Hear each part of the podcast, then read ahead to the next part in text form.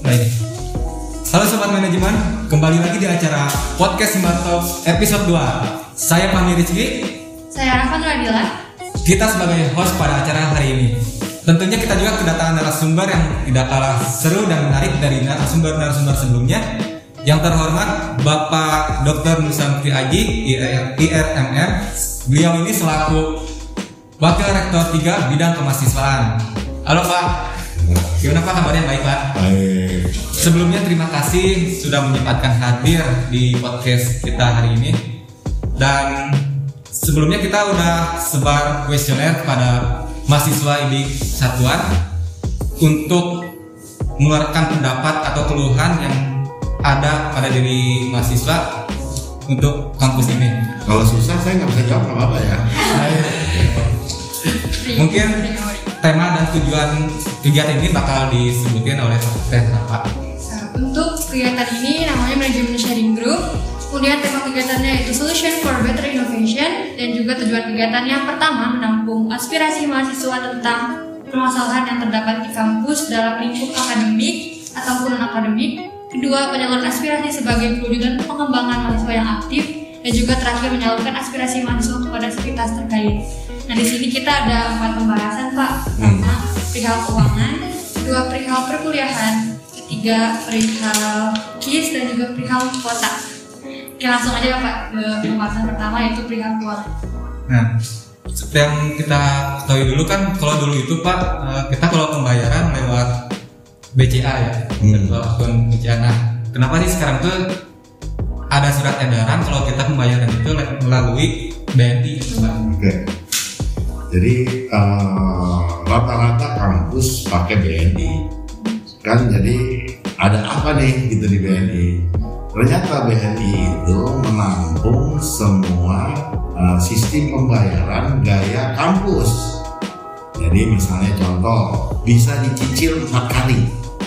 Nah kita dikasih tuh virtual account yang empat gitu empat nantinya misalnya gitu misalnya empat kali sampai uas kita minta begitu karena pani mahasiswa kita bukan orang mampu semua.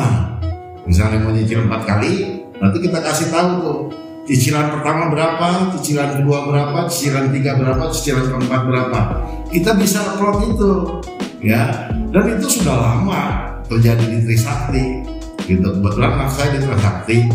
Jadi saya bisa tahu tuh waktu saya ngisi virtual account, oh bapak cicilan pertama ya pak, ngasih tahu gitu, bayarnya segini, ah saya bayar, gitu loh. Nah itu sampai uas, gitu loh. Ya sampai uas biasanya nyicil empat kali. Ya, Jadi otomatis gitu ya Pak? Iya otomatis.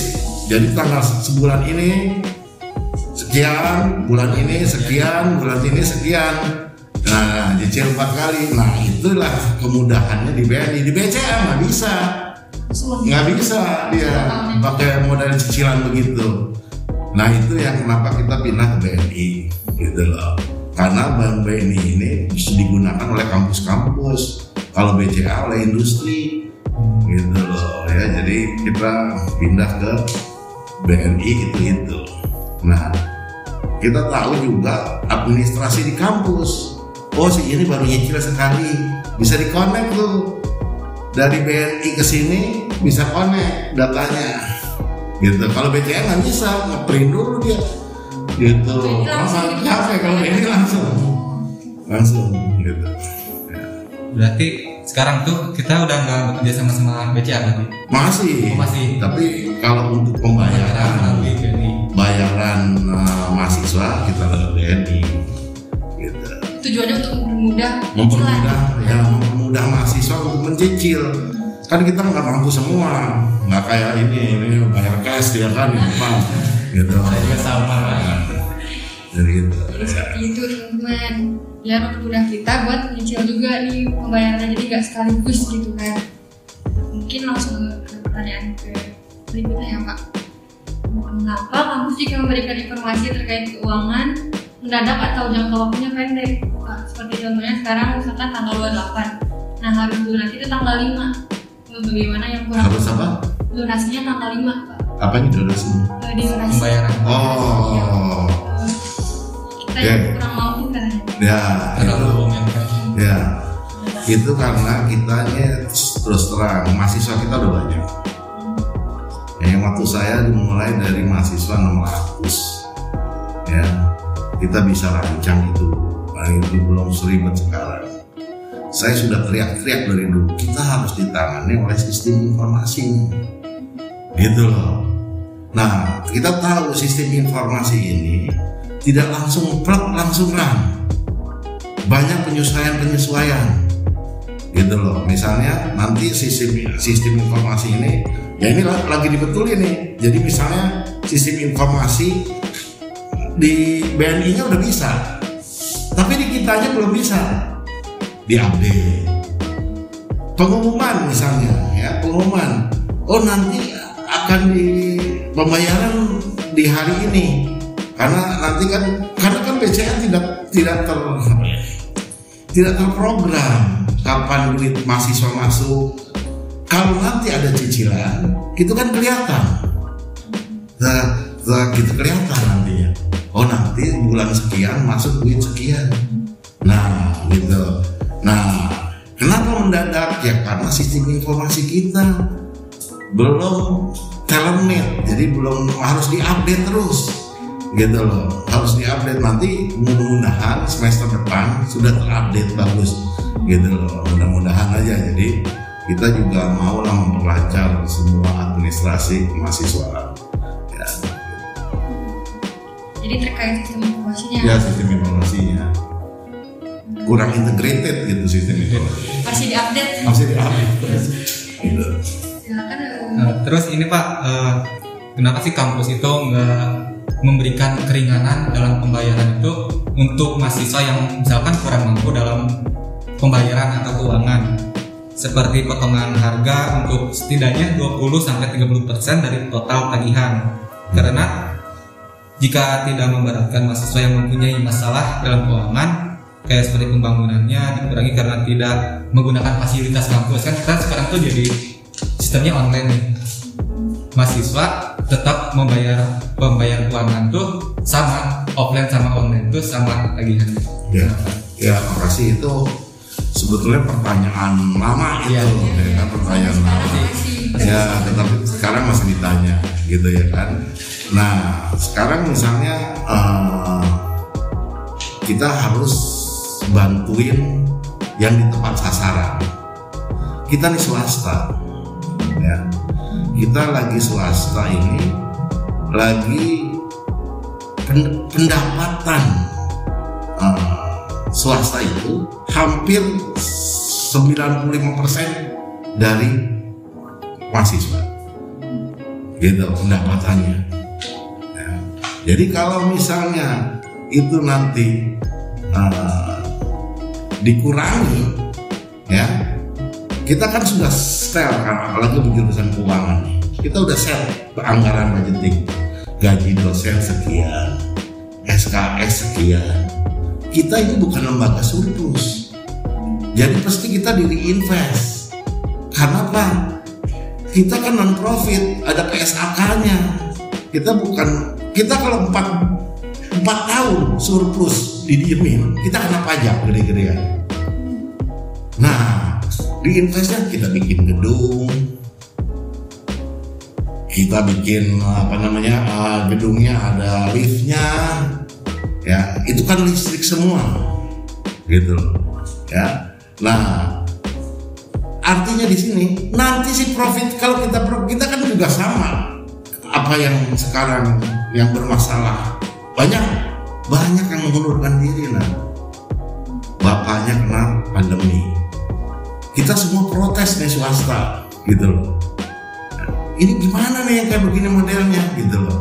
Nah keluarlah bantuan dari pemerintah yang disebut dengan bantuan UKT. Tapi cuma 2 juta 400 gitu.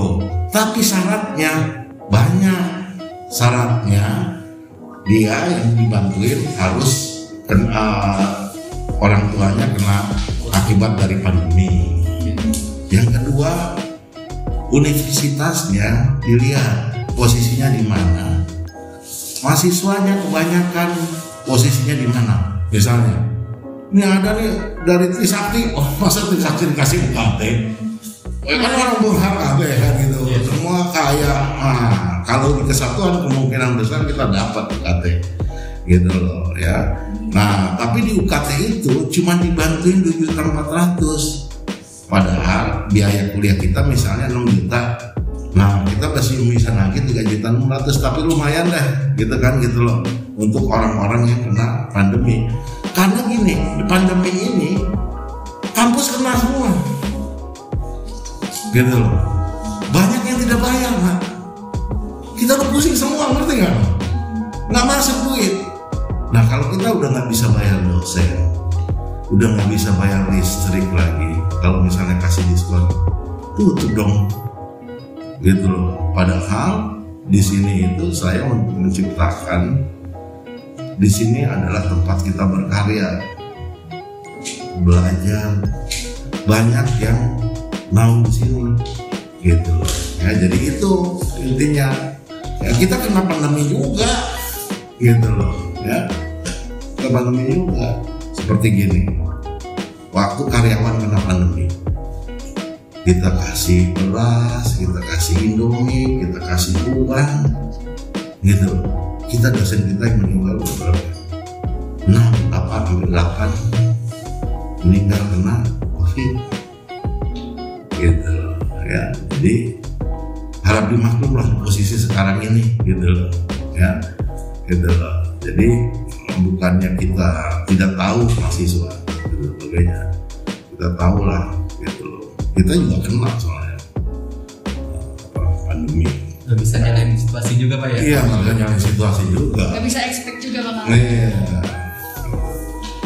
Ya, saya rasa cukup puas tuh ya jawabannya ya. Mungkin selanjutnya langsung mengenai perkuliahan aja ya Pak. Hmm. Merasa kuliah online ini kurang efektif dikarenakan kebanyakan dosen hanya mengisi kelas untuk mengirim materi dan tugas saja tanpa menjelaskan materi tersebut. Contohnya hanya men-share PPT bagi Google Classroom dan absen. Bahkan setiap pertemuan hanya memberikan tugas dan tugas itu adalah bagian dari absen. Hanya beberapa dosen yang memakai metode Google atau Zoom Meeting sehingga perkuliahan umum pun dirasa tidak efektif. Ya. Eh, tadi sudah saya kemukakan itu di rapat dosen. Ya, di rapat dosen mahasiswa itu dan sebagainya.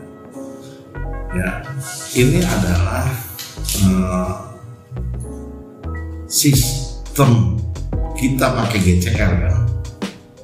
Nah, sekarang sistemnya mau dirubah sama kita pakai LMS. LMS Aplikasi sendiri aplikasi sendiri ya jadi kita bisa nanti nih mungkin semester ini kita ada pelatihan pelatihan dosen dan mahasiswa nah dia tidak uh, oh, makan banyak pulsa juga nggak kayak zoom ya. nah itu terkoordinasi nanti yang waktu dengan dikti gitu loh. Si mahasiswa ini belajar apa enggak kita connect karena kalau dikti itu pakai LMS gitu bisa ditarik nggak pakai GCR dia. Nah absen bisa langsung ya nah eh, kalau misalnya tidak sama dengan offline dengan online iyalah itu kita akui semuanya. Makanya tadi Pak Rektor bilang ngomong kemungkinan kita bulan depan offline. Bulan Nah, ah, tapi semua harus sudah vaksin. divaksin. vaksinasi satu. Nah, ah, nanti kita lagi mau majuin nih ke Dikas bahwa siapa yang masih belum vaksin vaksin di kampus. Fasilitasi. Gitu. Nanti kita kasih sosialisasinya harus vaksin dari sekarang. Gitu. Ya. Nanti kita itu ah, artinya kita sadar semua dosen juga sadar kualitasnya nggak bakal sama dengan offline dan online. Itu tuh offline itu menyeluruh atau kayak misalkan per minggu itu kelas atau jurusan ini yang masuk offline? Enggak, Menyeluruh. menyeluruh, menyeluruh semua. Menyeluruh, menyeluruh. Ya. karena kan mungkin online juga berbasis teknologi mungkin Iya. kita masih belum terlalu ini buat teknologi Iya. update juga mungkin ya Betul. Nah, ini juga saya sedih kegiatan mahasiswa. Jadi pada terpending semua. saya di satu pihak takut kan gitu loh takut kok ketularan kan gue disalahin gitu ya tapi kalau umpamanya ini nggak ada kreativitas soft skill nggak terpenuhi ya padahal saya paling senang soft skill. Iya. gitu loh ya. Jadi bagaimana lo kerjasama di dalam satu organisasi kalau ada misalnya kegiatan-kegiatan ikut bertanggung jawab itu justru yang sudah ada buktinya adalah alumni alumni kita gitu loh ya. Alumni alumni kita pada sukses karena dia aktivis kampus gitu loh ya. Itu yang bisa saya tambahin. Terus ini Pak eh, terkait masih perkuliahan sih. Eh, sering kali dosen itu kan eh, ngasih tugas tugas terus nih. Eh, kita tuh sebagai mahasiswa udah kayak mengikuti pembelajaran perkuliahan secara maksimal lah.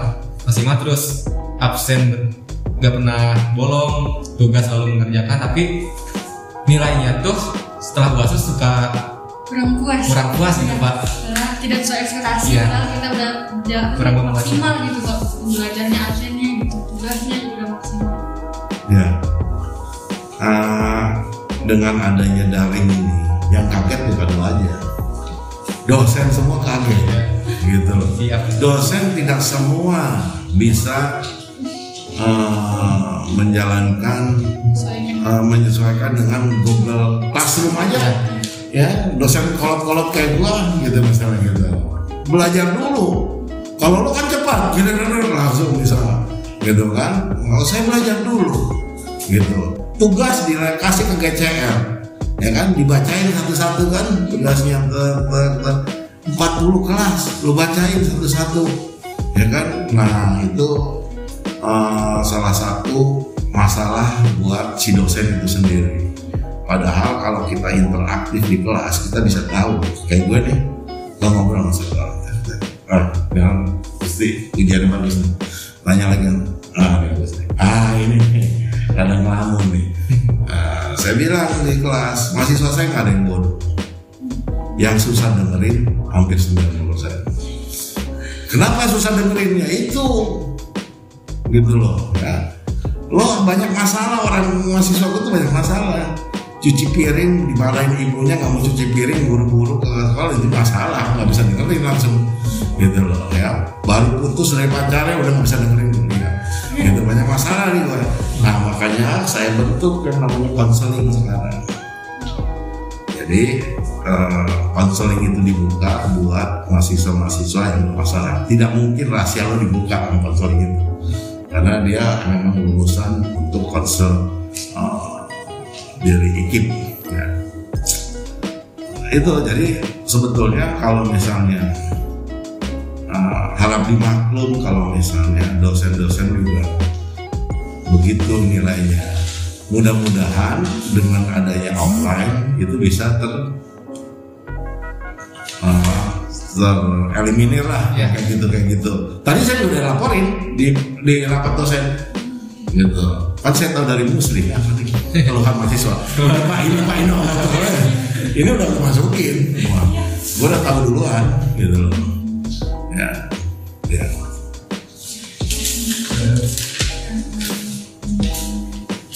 Dan juga ini sih eh, masih perkuliahan. Cara mengajar dosen. Ada yang udah kayak memuaskan cara pengajarannya terus ada juga yang penyampaiannya itu kurang antara dosen ke mahasiswa kayak sehingga mahasiswa itu gak, be- gak begitu paham materi yang disampaikan dosen terhadap mahasiswanya. Karena ada juga nih mahasiswa pada saat belajar itu kadang jaringan tidak stabil ada juga yang rumahnya di pelosok kayak gitu pak. Sehingga pembelajaran itu kurang ter- ini masuk. Ya, juga. ya makanya tadi saya juga udah sampaikan itu kan ada di penyampaian saya ada empat yang saya sampaikan dosen mengusahakan. Ya. terus salah satunya ini tapi kita maklum kok kalau ujian lo bilang ke dosennya. Pak saya mau ngirim mau submit tapi nggak bisa pak. Ini saya telat 30 menit. Misalnya gitu. Iya. buat telepon si jurusannya yang boleh kita masukin aja. Gitu loh. Karena kan kalau jaringan gak bisa disalahin ya ya nggak bisa disalahin. Kalau- kita kita juga kampus maklum lah. Tapi kita mau buat tuh yang waktu masa masa gini lo terbuka, jangan takut. Gitu, dosen segala apa pun gitu ya, lo bisa lapor ke gue, bisa lapor ke prodi. Kalau lo ngelapor nggak nggak ke prodi, tiba-tiba di ujung nilai lo udah jelek, lagi di jalan lo lapor nggak lo akan dilindungi, gue jamin itu gitu loh ya kan demi kebaikan kita semua gitu ya jadi lo laporin aja gitu Ya, Dilaporin. kita juga pak ya. Hah? Hak kita juga. hak kita juga gitu loh saya nggak tahu kan kalau begini baru tahu dari muslim nah ini tadi oh gue pengen bawa anak kerapat ya lempar kerapat dosen gitu. Oh, ya. ah, dosen semua tahu tapi saya bilang sedikit kalau dosen yang begini begini ini supaya gua nggak saling ngajarin gitu. Ya. oke jadi itu sol- solusinya kalau ada masalah terhadap dosen lapor Terbuka pak. Terbuka. Kita akan lindungi lu gak usah takut. Kalau nilai lu jelek gara-gara lu ngelaporin lu lapor ke gue gitu. Ya Tenang, ada manusia. Ya, daerah pak. Eh, mungkin sekarang perihal kuota ya Pak. hmm. Mengapa pengiriman subsidi dikirim dalam bentuk pulsa? Mengapa tidak dikirim dengan keadaan kuota agar merata? Karena memang pada dasarnya operator setiap mahasiswa yang digunakan berbeda-beda. ya eh, dikirimnya duit maksudnya Mungkin kuota Pak. Jadi eh, operator masing-masing itu pasti beda harga kuotanya tuh. Kan dikirim kalau dikirim pulsa itu 50 50 ribu. Kadang harga kuotanya itu lebih dari 50 ribu. Gitu pak maksudnya kenapa nggak kuota aja langsung dikirimnya? Bukan oh pulsa bukan jangan duit gitu. Iya. Selama ini kan kasih duit dari 50 ribu potongan. Enggak? Pulsa. Kasihnya pulsa. Oh yang pasca bayar baru ya oh gitu? Oh jadi gini. Itu yang dari yang dari kampus apa dari mana? Dari kampus. Dari kampus. Kan gini ya saya ngurusin pulsa kalau pulsa ini saya ngurusin. Kita dari dari pemerintah dapat. Yang waktu itu. Iya. yang lama. Tuh. makanya kamu diganti nomornya semua sama saya tuh. Iya. pakai apa? Excel Excel ya? Pakai Excel. Gitu loh. Kita saya ganti semua supaya saya cepat waktu itu. Karena dikasih waktu cuma seminggu. Udah panggil aja orang Excel aja ganti. Masih mau ganti mau Excel gue bilang gitu kan. Udah daripada gue nanya lagi apa nomor saya ganti selesai gue gitu kan gitu loh. Nah sekarang ada lagi bantuan pulsa dari pemerintah. Ya selama tiga bulan. Ini kita lagi udah udah masukin nih. Ya udah masukin yaitu ditambah dengan bukan mahasiswa baru kalau mahasiswa baru enggak. Eh, mahasiswa yang kemarin baru belum masuk dia. Jadi sekarang semester tiga atau tiga? Ah dia dapat kita tinggal masukin itu. Nah tapi kata Prodi eh, Excel itu di daerah-daerah tertentu kok bagus. Iya, gimana bisa diganti? Nggak bisa gitu. Sekarang kalau mau ganti pakai nomor ini saya gitu. Nanti kita masukin ke sana. Nah kenapa eh, kita kasihnya eh, kuota pulsa itu? Padahal kita tahu pulsa itu memang susah. Iya. kita kan harus adil ya. Iya, beda-beda. loh kita nominal duitnya dong gitu loh. Kita nggak tahu lagi itu. Nah tapi kalau dari pemerintah nggak dikasih berapa ya Ti- tiga giga apa empat giga ya lupa saya kalau dosen dikasih 10 giga kalian dosen nah, 10 giga deh ya, gitu. Terus eh, kuota itu kalau setahu saya turunnya itu menjelang UTS sama UAS pak ya? Buat di kuota Hmm. turun itu. Enggak juga. Jadi eh, kalau dari kalau dari ini saya belum tahu ya, karena yang ngasih kuota itu orang keuangan, gitu loh. Ya ngasih kuota itu orang keuangan. Jadi saya nggak tahu turunnya kapan tapi saya yang protes saya supaya dibantuin kota mahasiswa. Nah itu Pak Mahasiswa tuh Kiranya gitu Kuota tuh turunnya kenapa saat UTS sama UAS doang gitu. Sedangkan waktu pembelajaran itu Kadang dosen itu sering memakai Zoom. Iya, Lebih dari tiga kali gitu Memakan kuota juga maksudnya kuota sih Iya. pak. oke nanti saya sampaikan ke Nah. soal kalau keuangannya ya saya lupa nih, terkait keuangan itu Pak. Kadang pihak keuangan itu kalau kita konsul nih ke keuangan via online tanggapannya itu slow respon kakak mahasiswa mahasiswa itu jadi kurang dapat informasinya itu secara cepat. Jadi mungkin pengen bayar cepet-cepet tapi kita jadi slow respon dari keuangannya pak Oke ya untuk masukan mas saya. Nanti saya mungkin eh, apa akan bicara kenapa lambat responnya.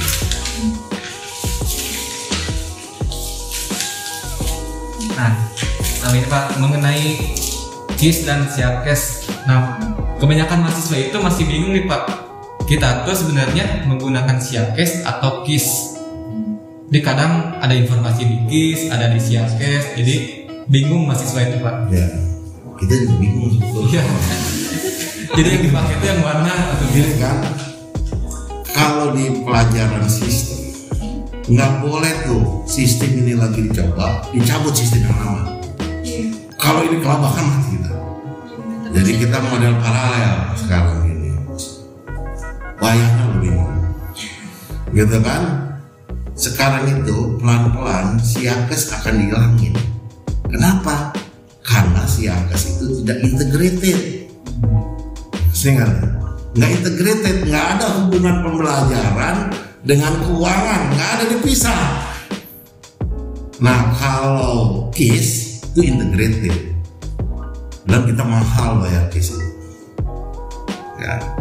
Kenapa kita perlu KIS? Mahasiswa kita tambah lama tambah banyak. Gitu ya. Lalu eh, apa namanya? Eh, soal keuangan ya mengenai cicilan juga misalnya gitu. Dulu saya tuh modelnya gini saya tanda tangan panjang perjanjian panjang perjanjian gitu loh. Nah, udah nggak bisa lagi begitu. Saya aja zaman saya aja udah seribuan yang saya tanda tangan gitu. Ya apalagi ini tiga ribu gitu ya. Jadi berkasnya itu banyak sekali. Nah kis kenapa siakas nanti siakasnya lama-lama hilang. Perannya tinggal kis. Berarti sementara itu dua-duanya masih dipakai pak? Ah, dua-duanya masih dipakai untuk sementara. Tapi eh, ngelihat nilai udah di kis kan sekarang? Iya. KIS. Nah, ya. tadinya kan di siakas Ya. Mungkin tagihan pembayaran di Siangkes pak. Saya pernah. Oh ya, keuangan masih pakai siakas karena keuangan lagi di upgrade sama pembuat software KIS. Eh, ini ada pertanyaan lagi nih Pak, mengapa, mengapa absen dari KIS atau Siangkes selalu bermasalah dengan dari pihak dosen sudah memberikan 100% Jadi misalkan dari dosen itu udah ngasih 100% untuk eh, absennya Pak, tapi di KIS itu malah kurang dari 100% Hmm, ya karena dia tidak integrated antara uh, pembelajaran ya, diisi manual absennya gitu loh ya.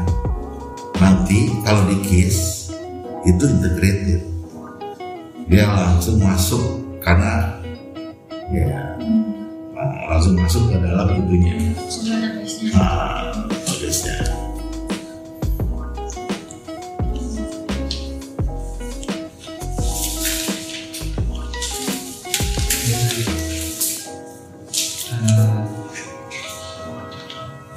mungkin eh, satu lagi mungkin pak ya ini ke keuangan tentang keuangan lagi tadi Hmm. terlewat ada nggak sih pak solusi jika kita belum bisa membayar tagihan gitu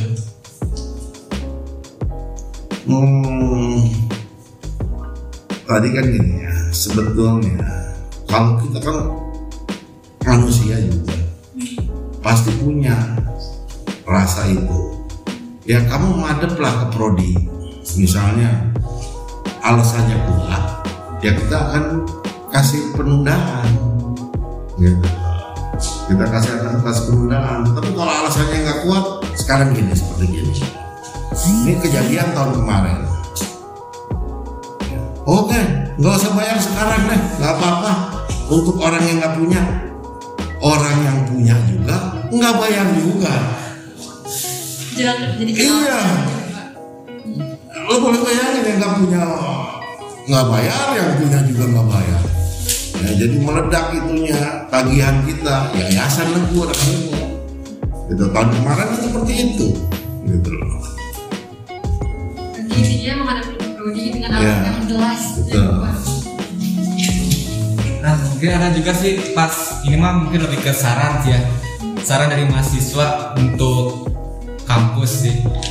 Nah, Itu ada respon harus Respon kampus itu harus lebih cepat dan tanggap kata mahasiswa itu dalam melakukan kegiatan administ- administrasi karena sekarang semua dilakukan secara online kan jadi kita menghubung- menghubungi civitas kampus itu melalui virtual akan tetapi responnya terkadang kurang dimengerti dan sangat lama dari mahasiswa itu Pak.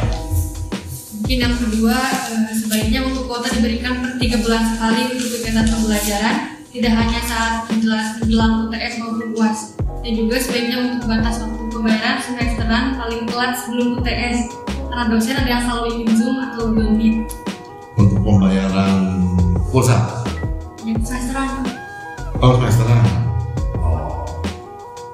Oke. Nah, eh, dan juga sih ini kayak kayak sarannya mungkin biaya untuk perkuliahan katanya. Seperti SPP dan biaya SKS itu bisa dikurangi kata mahasiswa tuh Pak. Karena mahasiswa pun tidak memakai fasilitas kampus kayak ruangan, perpustakaan atau sarana lainnya kayak gitu. Alangkah baiknya jika hanya membayar SKS saja karena selama online ini fasilitas yang dipakai di rumah masing-masing. Oke, jadi itu tadi saya udah jawab tuh iya. nggak bisa Iya. kenapa karena kita juga banyak yang mundur mahasiswa gitu loh kita nggak bisa apa-apa banyak yang mundur terus mahasiswa masuk sekarang juga turun turun banyak sekarang. Mungkin terakhir Pak, ini sarannya. Saya ingin dosen di IBIT jelaskan materi bukan hanya membagikan materi saja, tapi dijelaskan juga. ya itu udah disampaikan tadi di rapat dosen. Nah, mungkin itu Pak eh, pembahasan kita pada hari ini itu tentang yang sudah dijelaskan ya. Terima kasih sebelumnya Ya. buat Bapak udah menyempatkan hadir Iya. di sini. Ini for information, Pak Nusa ini schedule-nya padat banget, tapi masih bisa ngeluangin waktunya buat teman-teman. Kasih banyak ya Pak. oke Ya, selanjutnya Ada pemberian Pak.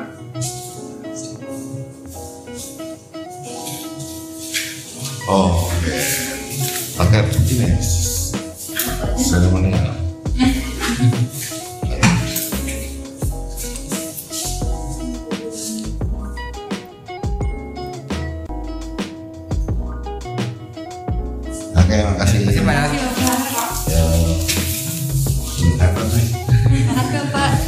istirahat Pak. Bapak mau Bapak. Oh, iya. Oh, nggak usah, nggak usah, saya mau aja. Nggak usah, nggak usah. Eh, gue kan masih muda.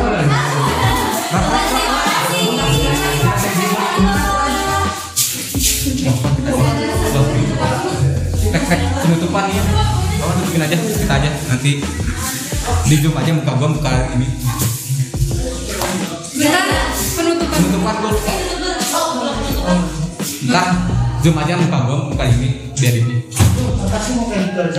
Ini ini kau kan nanti di crop tadi muka lu doang muka lu Ini apa?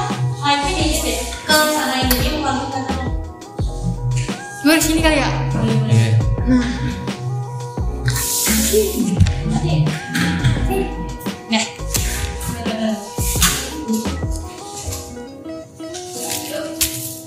briefing dulu kak briefing dulu kak Jadi gini ya nah jadi itu buat teman-teman mahasiswa semua saran dan Semua keluhan, aspirasi sudah disampaikan dan jawabannya pun udah disampaikan oleh Bapak Nusa. Eh, sejauh ini yang saya tangkap sih kampus lagi meningkatkan juga ya efektivitasannya. Itu udah dimulai. Kan latihan kan? Agak boleh juga nih ada. Jadi ini ada tertulisnya jadi tetap Harusnya hasil film sih itu bukan ini tetap ikut eh, ikutin terus podcast Hima Talks Karena bakal bermanfaat buat karena bakal sahabat ada mahasiswa mahasiswa. bahasan-bahasan lainnya yang akan disampaikan Hima Talks ya nanti ya. Gue cringe. Kayaknya Udah, Ini udah, udah tadi. dimatiin. Nah teman-teman jadi itu eh ah ada lu ini mas stop dulu. Nah jadi teman-teman itu salah satu respon Wakil Rektor 3 bidang kemahasiswaan tentang kuesioner yang sudah kalian isi waktu kemarin dan sudah kami ajukan pada acara podcast hari ini. Mungkin sekian eh, podcast Himatal kali ini. Tetap nantiin podcast kita selanjutnya. Bakal ada bahasan menarik dan juga penting buat teman-teman. So, sampai jumpa. Dadah.